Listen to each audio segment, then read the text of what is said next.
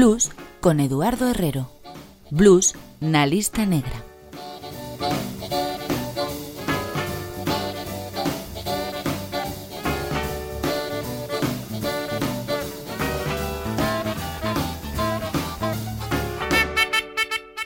Prepárate, porque este non é un programa calquera. En realidade, ningún episodio da Lista Negra o é, pero o de hoxe ten un valor engadido, porque o coloso que vas escoitar durante case unha hora sabe que estamos aquí. É moi consciente da loita que libramos cada semana neste reduto de resistencia musical, neste nicho do blues habilitado na Radio Pública de Galicia. Faloche dun tipo que leva vendidos millóns de discos, que gañou cinco premios Grammy e que saiu de xira cos máis grandes. Unha lenda viva que quixo enviarnos esta mensaxe a ti, a min, a todos nós. Hi, this is Robert Cray from the Robert Cray Band, and you're listening to Elista Negra.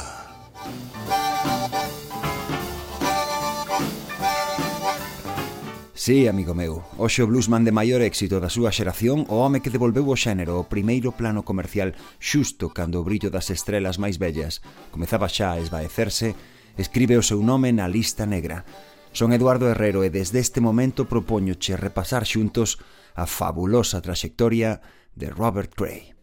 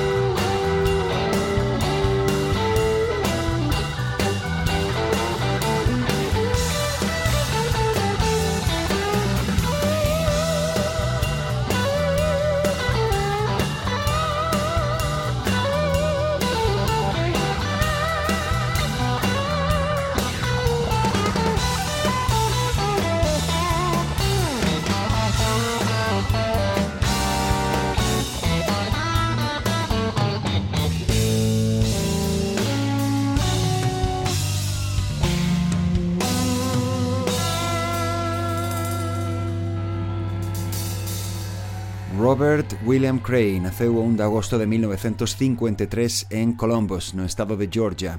Seu pai, un oficial de intendencia do exército norteamericano, estaba destinado daquela en Fort Benning, moi preto da fronteira con Alabama. Pero como tantas familias de militares, as mudanzas foron unha constante para os Cray, e Robert pasou parte da súa adolescencia en Newport News, Virginia, onde formou a súa primeira banda, The One Way Street, mentres comezaba a cursar a secundaria. Tampouco ali chegou a botar raíces. Cray rematou os estudios preuniversitarios nun instituto de Lakewood, na área metropolitana de Tacoma, no estado de Washington, na outra punta do país. Na festa de graduación do centro actuou un dos seus ídolos, a lenda do blues Albert Collins, alcumado o amo da Telecaster e tamén Iceman, o home de xeo. Non sería a última vez que os seus camiños se cruzasen. Música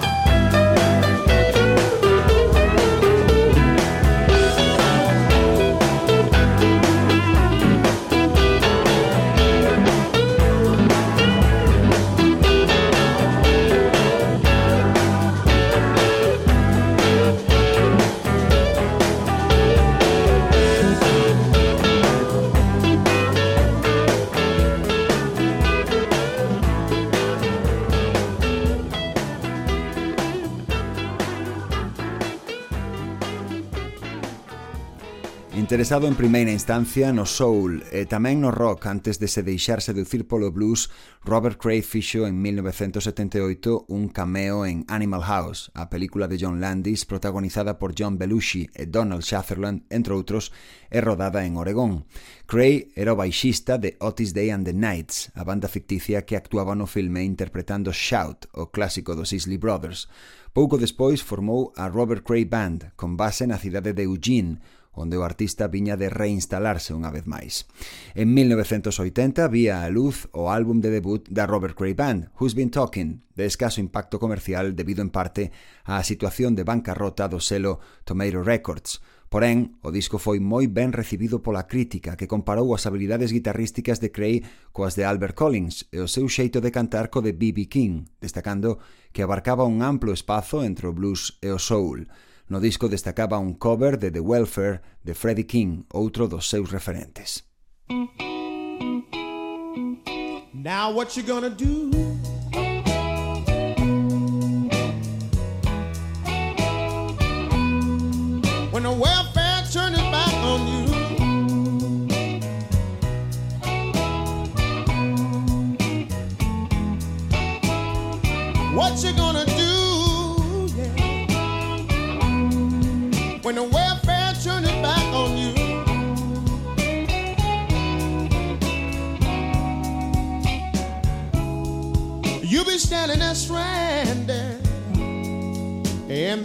A thing you can do.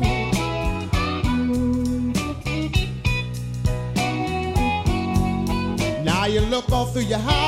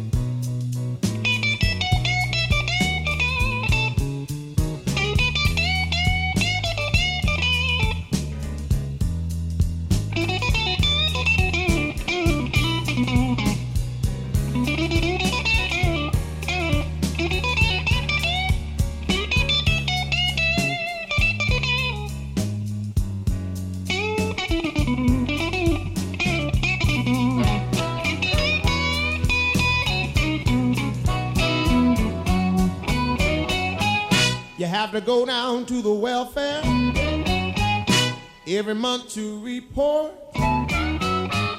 And some of the things I say to you will sure enough get your goat.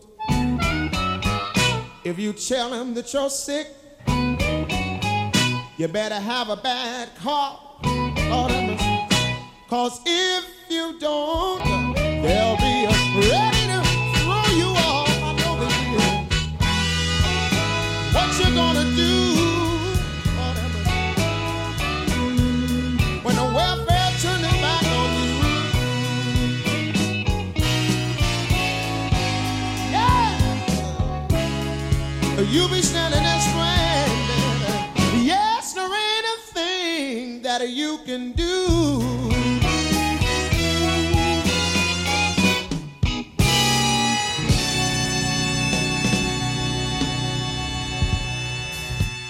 Queres blues? Escoita a lista negra. O segundo LP de Robert Cray, Bad Influence, publicado por Hightone Records en 1983, elevou o bon nivel do seu antecesor e pasa por ser quizáis o mellor traballo daquela primeira etapa previa ao seu ascenso ao estrelato.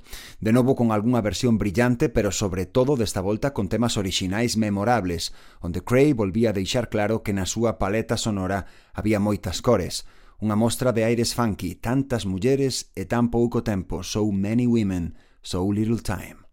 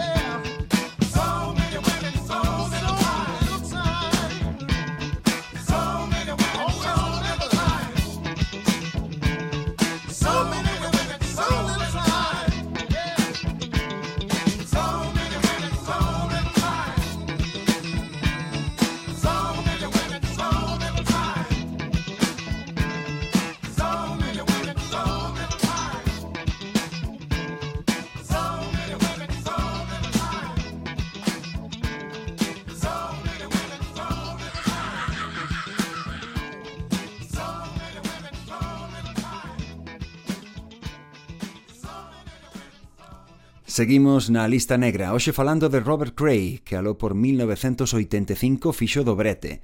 Publicou por un lado, de novo con Hightone, o terceiro disco coa súa banda. En False Accusations, que mantiña un nivel notable, todas as cancións eran súas. Pero pouco meses despois viu a luz tamén Showdown, un fantástico LP asinado xunto ao seu admirado Albert Collins e outro virtuoso do Texas Blues, Johnny Copland, editado por Alligator, o selo co que traballaba Collins, Supuxo o primeiro Grammy na carreira de Cray, que saiu airoso de gravar man a man xunto a un dos seus grandes referentes. No disco alternábanse interesantes pezas orixinais con impagables versións de Ray Charles ou T-Bone Walker, pero entre todas elas destacaba a fabulosa lectura que Cray facía do She's Into Something, tema de Carl Wright, popularizado en 1959 por outro dos seus ídolos, Muddy Waters.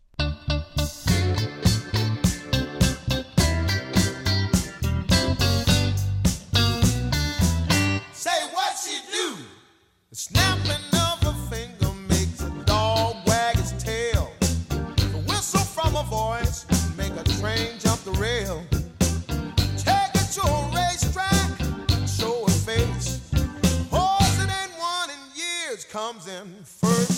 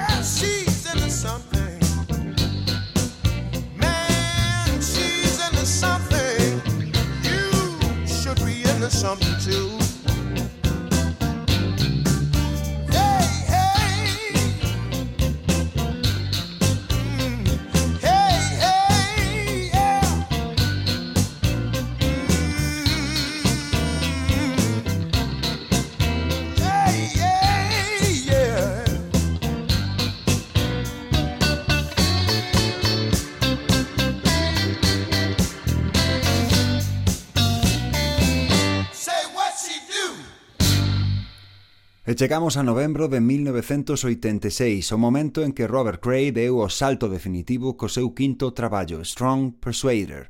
Publicado por fin nun selo grande como a Mercury Records, foi o álbum que o converteu nunha estrela a gran escala.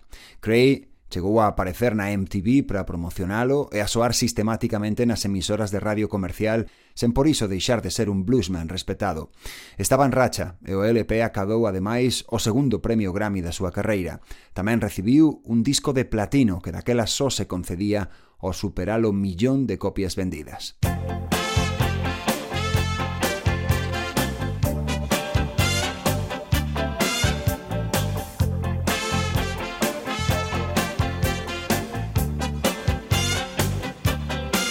I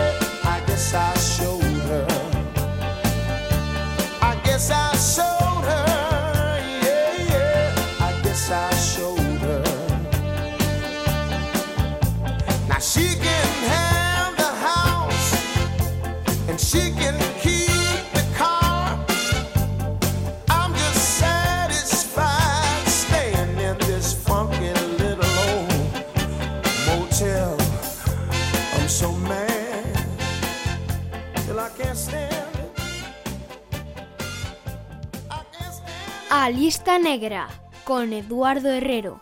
Tras apañar un novo Grammy, o terceiro xa, polo seu seguinte álbum Don't Be Afraid of the Dark, Robert Cray consolidouse como un dos grandes activos da música negra ao tempo que comezou un achegamento progresivo do seu son a outros xéneros.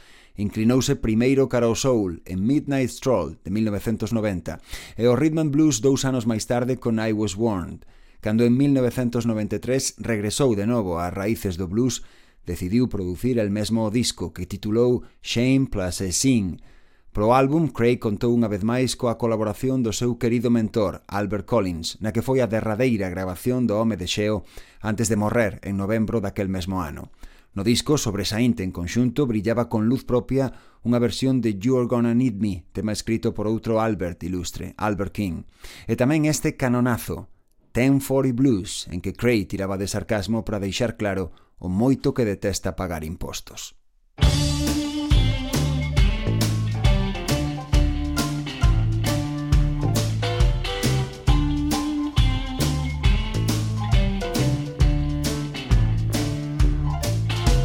Worried, you betcha.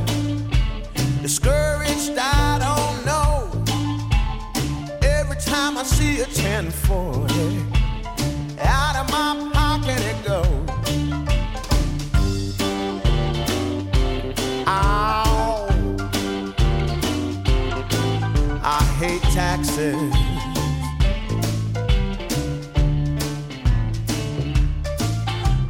Work hard for my money.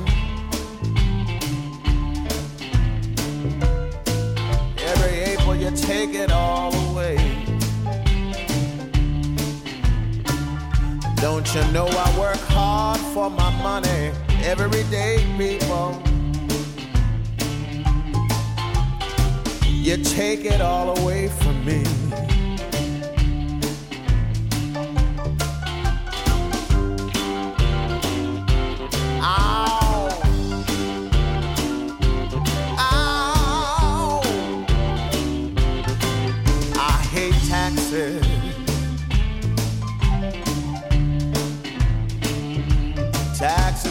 Break my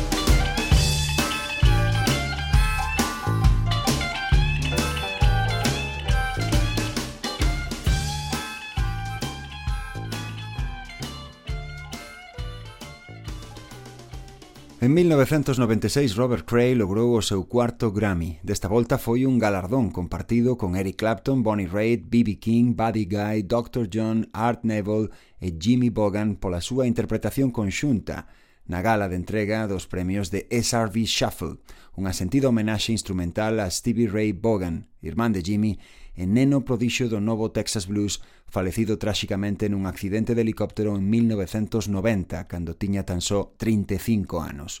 Mais aló dese tributo puntual, Cray despediu a década dos 90 e saudou o novo milenio cun pé instalado xa con firmeza sobre o territorio do soul, xénero que gañaba terreo en álbumes como Sweet Potato Pie, Should Have Been Home e Take Your Shoes Off, este último producido por Steve Jordan, o actual baterista dos Rolling Stones, foi premiado co quinto e ata o día doxe último Grammy de Cray ao longo da súa carreira.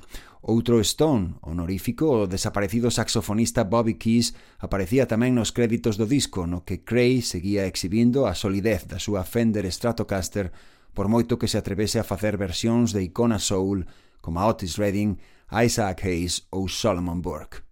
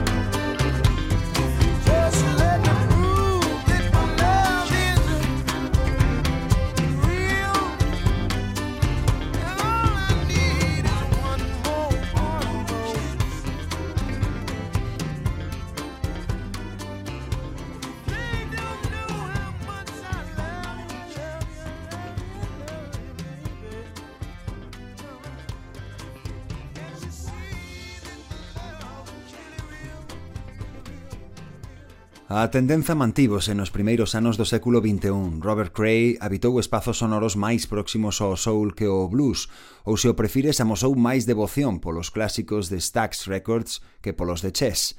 Iso fixo que recibise algunhas críticas por, segundo algúns, acomodarse nunha fórmula efectiva pero gastada.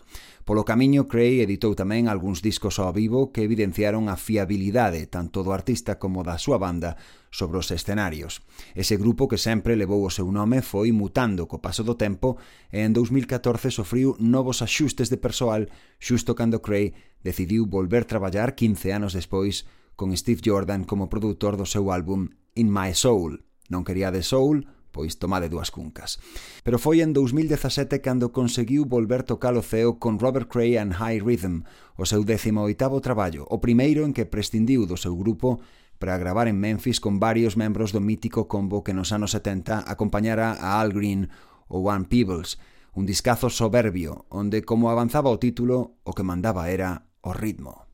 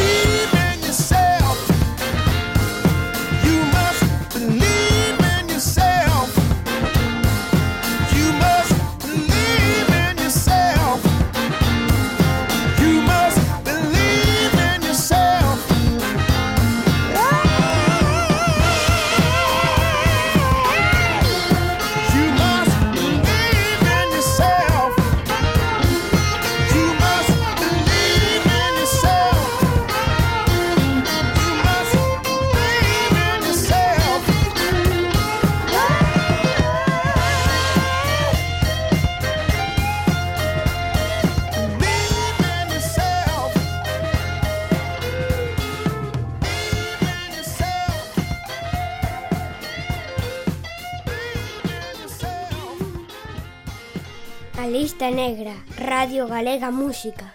Unha vintena longa de álbumes e máis de 40 anos actuando en directo avalan a traxectoria de Robert Cray. Gran expoñente do blues da costa oeste, foi o último en conseguir vendas relevantes cando non extraordinarias dentro dun xénero cada vez máis minoritario. Afeito a compartir escenario con mitos do calibre dos Stones, Bob Dylan ou Eric Clapton, mantivo unha boa amizade con este último ata que o guitarrista británico emerxeu como figura negacionista da pandemia do coronavirus. Cray afroamericano moi consciente das súas orixes, cancelou unha xira con Clapton cando escoitou un dueto deste con Van Morrison en que se comparaba o confinamento doméstico pola Covid coa época da escravitude.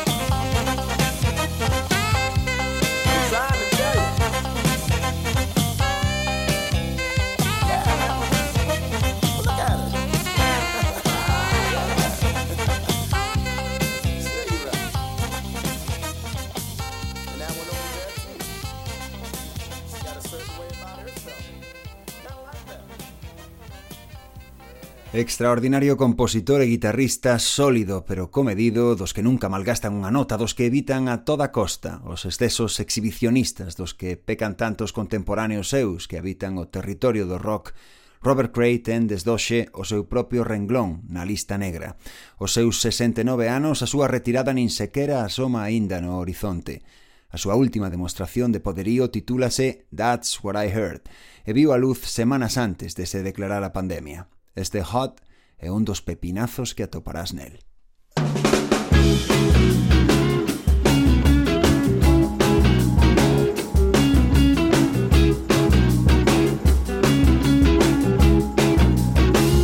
Ain't no time for reminiscing. Not me, sir, thanks a lot. All the hugging and the kissing that I really never stop. You think you got me pinned? Cause you see the snow on top. But you can ask my baby, you don't know diddly squat.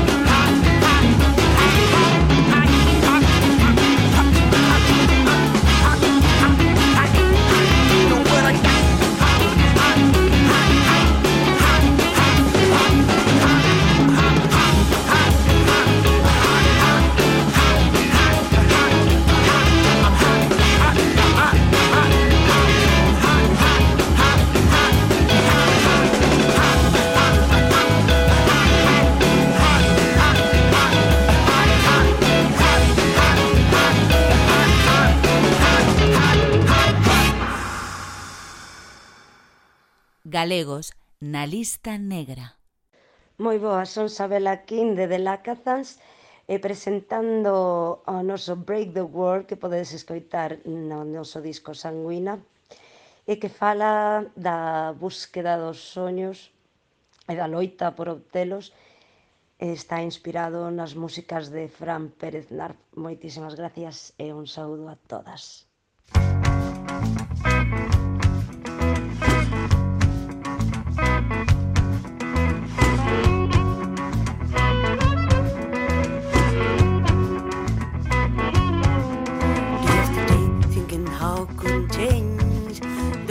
live, the life I live, the way I live, the life I have. But when I open my eyes, I can see that in my fridge there's nothing in my pocket misery. With a pen and I know that I can hide from a cave and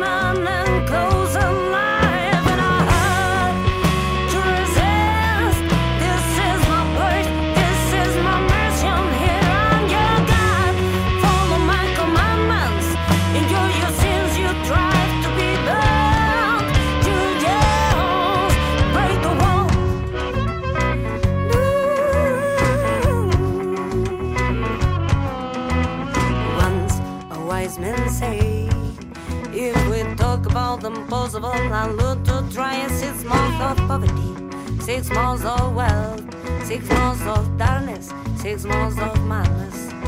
In the vice, cooking bourbon and a whore. With my money in my pocket and the morning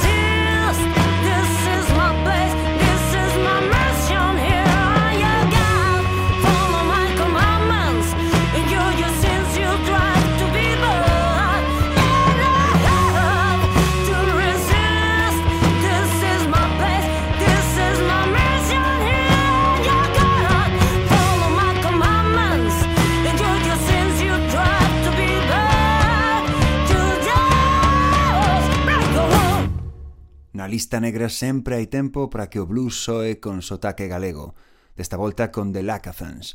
Escoita este e os episodios anteriores en Radio Galega Podcast, Spotify ou iVox.